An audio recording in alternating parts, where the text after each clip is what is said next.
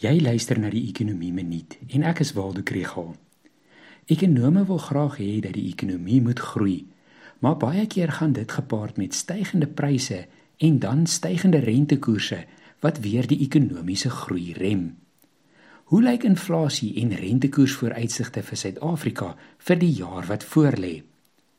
In Suid-Afrika het inflasie begin styg. Dit is veral brandstof en voedselpryse wat gestyg het.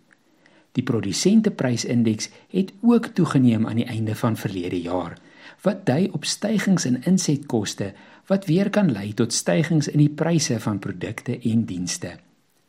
Die Reserwebank het die repo koers in November verhoog en ekonome verwag nog stygings deur die loop van die jaar. Dit het egter nie net te doen met inflasie in Suid-Afrika nie.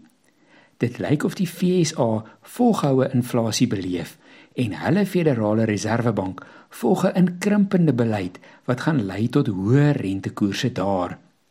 Ongelukkig beteken dit dat Suid-Afrikaanse rentekoerse ook moet styg.